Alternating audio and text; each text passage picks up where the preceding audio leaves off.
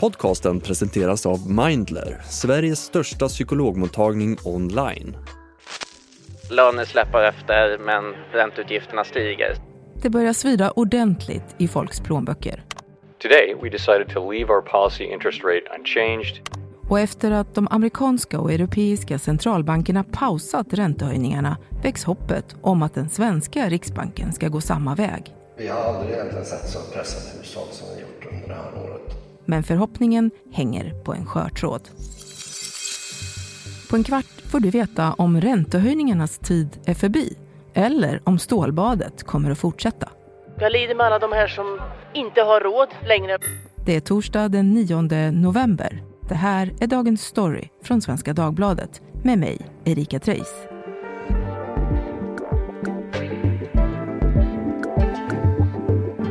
Gäst idag, Johan Karlström, ekonomireporter på SvD. Johan, det börjar bli riktigt tufft för många nu. Jo men verkligen, alltså, nu har vi ju stigande konsumentpriser som har verkligen skjutit i höjden och stigande räntekostnader för många så att det känns ju verkligen i plånboken. Mm.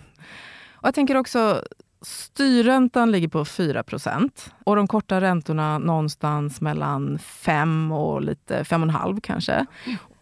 Tror du att riksbankschefen, är han nöjd nu? Eller kommer det ännu fler höjningar? Ja, nej, ja, han, han har väl inte höjt förrän inflationen är tillbaka på 2% som är Riksbankens mål. Mm. Och nu ligger den på 4% så han, han, är ju inte riktigt nöjd än. Men eh, det är klart att hela poängen med att höja räntan det är ju att göra det tuffare för hushållen och få dem till att hålla lite hårdare i plånboken, minska deras efterfrågan eh, och göra dem lite fattigare. Så att, Alltså att företagen inte kan höja priserna lika mycket längre och att då inflationen avtar och prisökningarna avtar. Så att eh, på så sätt så är han väl nöjd och att det känns för hushållen. Men du, vilka är det som får ta den största smällen, eller har fått taget kanske vi ska säga, av just stigande inflation och höjda räntor?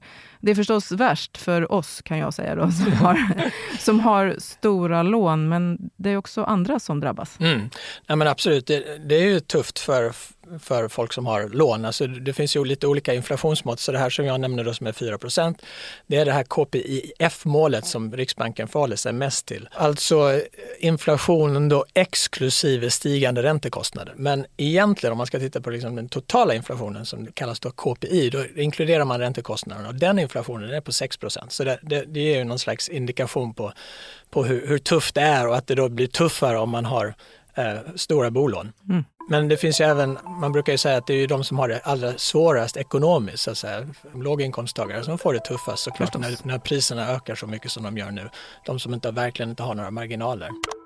Ja, man får ringa och skjuta upp räkningar och man, eh, sista dagarna har man ju inte mat tillräckligt. Overdraft fees are just the worst. Get up to 200 in fee-free overdraft with the Chime checking account. Sign up today at chime.com slash goals24. Banking services and debit card provided by the Bancorp Bank N.A. or Stride Bank N.A. Members FDIC. Spot me eligibility requirements and overdraft limits apply.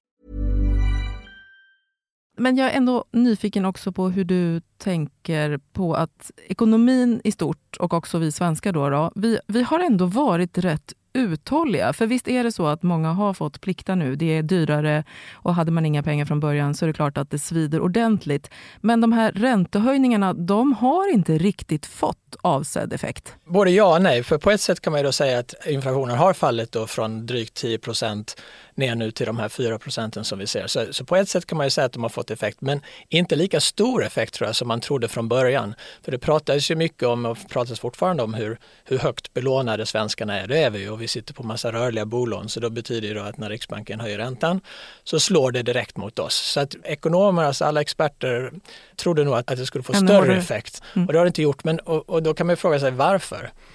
Och då handlar det nog mycket om att vi faktiskt har fått behålla våra jobb. Alltså arbetslösheten har inte gått upp speciellt mycket. Ja, och var, och var, varför är det så då? Ja, alltså det finns en mängd olika förklaringar. Då. En kan vara det här som jag har skrivit om tidigare som heter labor hoarding. Och det går ut på att företagen eh, de hoppas och tror att den här krisen ska bli kortvarig. Och då vill man behålla sina anställda, man vill inte göra sig av med anställda för då riskerar man inte kunna få tillbaka dem vid ett senare tillfälle. Så då behåller man dem, man, man försöker övervintra den här krisen och det har då gjort att arbetslösheten då inte har stigit förrän mm. nu precis här på slutet. Och det har ju då fått ekonomin då att stagnera och nu tror ju då de flesta bedömare då att, att svensk ekonomi faktiskt krymper i år då. Samtidigt som vi har den här jättehöga inflationen får man väl ändå säga fortfarande. Och det är det, där som kallas stagflation då, när du har en stagnerande ekonomi och dessutom kraftigt stigande priser. Och det är en väldigt ovanlig situation då, men där är vi idag. Och det är det som också skiljer då kanske den här lågkonjunkturen eller krisen från tidigare, eller vad säger du om det? Jo, nej, men absolut. Alltså, normalt så har ju centralbanken ett ganska lätt jobb. När ekonomin går dåligt, då minskar efterfrågan och inflationen är för låg och då sänker man räntan för att stimulera hushållen efterfrågan. Och vice versa då när, den, när ekonomin är het så höjer man räntan. Mm. Här blir det lite svårt för att här, här har du då en situation då där det går dåligt för ekonomin på grund av den här inflationen och då måste alltså Riksbanken höja räntan, inte sänka räntan som man brukar göra i en lågkonjunktur. Så det blir dubbelt upp på något sätt. Dubbelt så svårt. Mm. Och Sveriges riksbank de följer ju ofta den amerikanska och den europeiska centralbanken och vad de gör. Hur har de agerat? Det som, som vanligt höll jag på att säga, de har gjort ungefär samma sak. Mm. Både centralbanken i USA och den europeiska centralbanken har höjt räntan kraftigt, precis så som Riksbanken har gjort. Men det som är intressant nu då är att de här senaste dagarna då så har både ECB och Fed då pausat. De har alltså lämnat sin ränta oförändrad. Och då spekuleras det då om, eh, liksom, är den här räntetoppen nådd? Och det tror nog de flesta att, att den är faktiskt, både i USA och då i att den europeiska mm. centralbanken har höjt. Klart. Vi ska återkomma till den svenska eventuella mm. höjningen. Ja. Men, men först tänkte jag att vi måste prata om den 23 november. För då meddelar den svenska riksbanken sitt nästa räntebesked. Och jag kan tänka mig att du knappt kan hålla dig. Men vad är din bästa gissning? Följer de de amerikanska och eh, europeiska kollegorna? Ja, man kan säga, jag, jag vågar knappt gissa faktiskt för att det är ovanligt osäkert. Det är lite så här 50-50. Eh, det, om man, man, jag brukar titta på vad storbankerna och svenska storbankerna tycker då. Och tre av fyra av de här storbankerna de tror att de kommer höja med 25 punkter till och att det sen är klart att det sen inte blir några fler räntehöjningar. Medan en tror att de ligger oförändrad. Mm. Och sen så kan man då handla på det här lite på marknaden också där man tar lite bets på vad, vad Riksbanken kommer att göra. Och där finns det en 60% i ungefär sannolikhet för att Riksbanken faktiskt höjer och 40% sannolikhet för att de inte gör det. Så det är väldigt, väldigt osäkert. Vi får se, jag vågar inte gissa som sagt. Okej. Okay. Ja, men eh, hur hänger kronkursen ihop med den här penningpolitiken? Jo, men kronkursen är nog kanske den största anledningen till varför i alla fall de som tror på räntehöjning tror att Riksbanken höjer räntan. För att vi har haft en krona som har försvagats och det orsakar problem för Riksbanken eftersom en svagare krona betyder att vår import blir dyrare och vi importerar mycket in i Sverige och då får vi alltså en högre inflation. Så den svenska inflationen har spets på av den svaga kronan och då finns det då en sannolikhet för att Riksbanken då höjer för att skicka en signal om att vi vill stärka kronan, för det är så det fungerar. När, mm. när en centralbank höjer räntan och de andra inte höjer räntan, då tenderar då valutan i det här landet då att eh, stärkas. Och stärks kronan så är det positivt för Sverige eftersom inflationen då kanske inte blir lika hög. Du, jag tänker att jag skulle vilja ta dig till ett annat rum. För våra politiska reporterkollegor, de talar ofta om riksdagsjournalisterna. Har du hört det? Jag har hört om det. och där fikar de på olika sätt. Eller de har små presskonferenser och träffar då politikerna. Hur är det för er riksbanksreportrar? Är det på samma sätt? Hur går det till där den 23 det är inte riktigt samma sak. Alltså, Riksbanken är ju, de läcker ju ingenting. Jag kommer ihåg faktiskt en gång, det var en, en av vice riksbankscheferna som av misstag eh, sa en minut innan beskedet skulle publiceras lämnade beskedet. Han trodde att kanske var att det, att, att det var dags. Att det var, att det var dags att de redan hade gett det här beskedet. Och det blev ju stort ramaskri om det där. Så mm. att, eh, de, det är väldigt tight-lipped på Riksbanken. Fattar. Inte riktigt samma sak.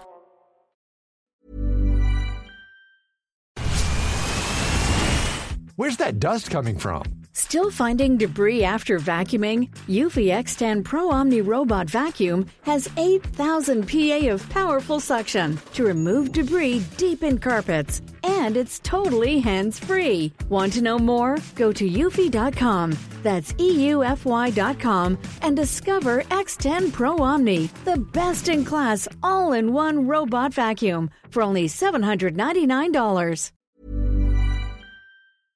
Riksbanken har ju ett inflationsmål, där vi pratat mycket om. Och de här två procenten, de är på något sätt heliga. Lika heliga som så här, sill till jul, eller påsk eller midsommar.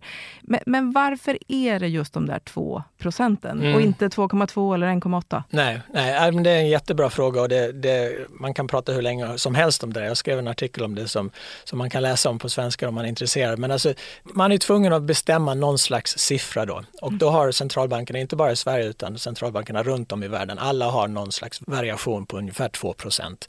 Och, och, det har att göra med att av olika anledningar vill man ta för hög inflation och då är 2% liksom ganska lagom. Du vill heller inte ha ett inflationsmål som är för nära 0% För att om du försöker sikta, låt oss säga på 0 eller 0,5% så finns det en risk för att ibland priserna faller. Mm. Och det vill man inte, för faller priserna då kanske folk skjuter upp sin konsumtion i väntan på att saker och ting ska bli billigare. Och det är inte bra för ekonomin. Så att 2% är liksom lagom långt från 0% och inte för högt.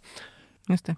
Men med alla de här åtgärderna, då, kommer inflationen att sjunka? Det har ju inte helt självklart gått som Thedéen och, och hans kollegor har trott och velat alltid tidigare. Nej, nej, men jag tror alla har blivit förvånade över hur pass lång tid det har tagit för inflationen att sjunka. Mm. Prognosmakare har fått skjuta fram den här tidpunkten för när inflationen ska nå målet igen.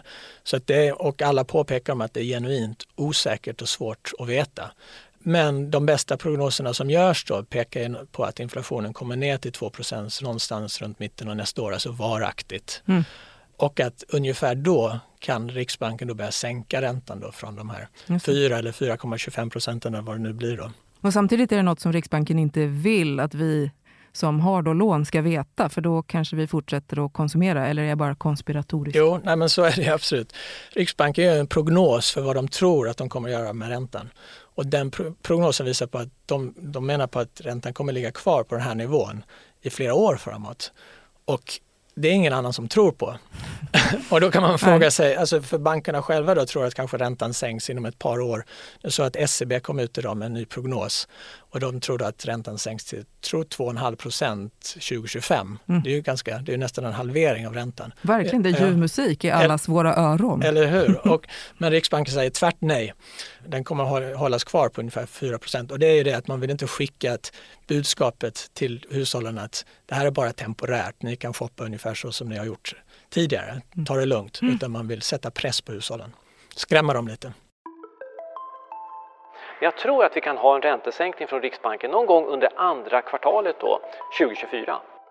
Du Johan, en DI-kollega till dig skrev just “Plötsligt händer det. Räntefall och börsrally”. Mm. Alltså det är ju en person man gärna lyssnar till. Ja, det vad, bra. vad säger du om det? Ja, nej men alltså det ligger ju, eh, tror jag, någonting i det där. Um, att det är ju det som börsen verkar titta på helt och hållet nu. Så fort man ser någon inflationssiffra som är lite lägre än väntat då blir det glädjeskutt på börsen. Och samma sak om centralbankerna signalerar att nu är vi klara med räntehöjningar, vi kommer att sänka räntan. Um, då blir det också glädje på börsen. Um, och det har man ju sett nu på senaste veckan här har ju gått väldigt bra på börsen och det är efter räntebeskedet från Fed och att man då tror att Fed kommer inte att höja mer. Och sen så är det ju så här lite nu för tiden är att bad news is good news. Det är lite konstigt. Så när det går dåligt för ekonomin då, då tycker börsen det är bra. Mm. Och det har ju med det här att göra. Liksom om arbetslösheten stiger mer än väntat då kanske inflationen faller mer än väntat eller snabbare än väntat eller så som man hoppas på. Mm. Och då blir det på något sätt bra. Vi vill ha låga räntor och vi vill ha låg inflation. Då är alla nöjda. Mm. Jag måste ändå fråga, kan man tänka sig räntesänkningar framöver och hyfsat snart då? Liksom efter räntehöjningar brukar det komma räntesänkningar. Det är, det är väldigt... som regn och sol. Du ja, vet. lite så. Ja. ja. Nej, men alltså, det är ju väldigt sällan som man bara höjer och sen så ligger den kvar där. Istället så brukar man höja och ta i lite extra för att verkligen trycka till den här inflationen och vara på säkra sidan och sen så sänker man. Och det brukar inte gå allt för lång tid efter räntetoppen tills man då börjar sänka räntan. Så de flesta tror ju då på räntesänkningar med början i ja, sommaren eller hösten nästa år och sen att de fortsätter i gradvis takt då. Att man, eh, räntan nästan då halveras från 4% till ja, i alla fall 2,5% på ett par års sikt. Så det låter väl bra. Mm, det blir reella pengar det. Eh, men du, sist, utifrån ditt perspektiv, kommer vi någonsin att få uppleva nollränta igen? Ja, nej, men det är ju en annan sån där jätte, jätteintressant fråga såklart. För frågan är vad som har en, om det är någonting som har ändrats strukturellt i ekonomin på grund av den här inflationskrisen. Om ingenting har ändrats, så att säga, om vi har ett fortsatt stor global konkurrens med stort utbud av varor och så vidare, då, då borde kanske inflationen fortsätta vara låg precis så som den var tidigare, att det kanske blir svårt att få upp inflationen och att man Mm. då måste sänka ner till 0% Men sen så finns det då argument för att vi kanske ändå har kommit in i en ny värld då, det- där vi kanske hushållen, företagen har fattat helt plötsligt ja, men det, vi kunde faktiskt höja priserna lite mer än vad vi trodde tidigare. Att hushållen på något sätt accepterar det. Är vi vana vid 10% så tycker vi kanske att 2,5-3% inflation eller Jag hade ju lägenhet när det var 500 procent under den där tiden. Ja, ja, med det- Bengt Dennis och gänget. Precis. Det var ingen rolig tid, men nej, ändå. nej, Mm. nej, men alltså det är väl tecken på hur saker och ting, hur världen faktiskt kan ändras. Man tror att allting kommer bara ligga still och puttra på så som man trodde innan den här inflationskrisen. Och sen gjorde det inte det. Så att man skulle då kunna tänka sig att vi hamnar i ett lite nytt läge där inflationsförväntningarna både bland hushåll och företag och sådana är, är annorlunda som gör att inflationen parkerar sig på en lite högre nivå. Mm. Och därmed räntan. Ja, och med det Johan så får jag säga tack till dig för den här eminenta genomgången. Tack så mycket själv.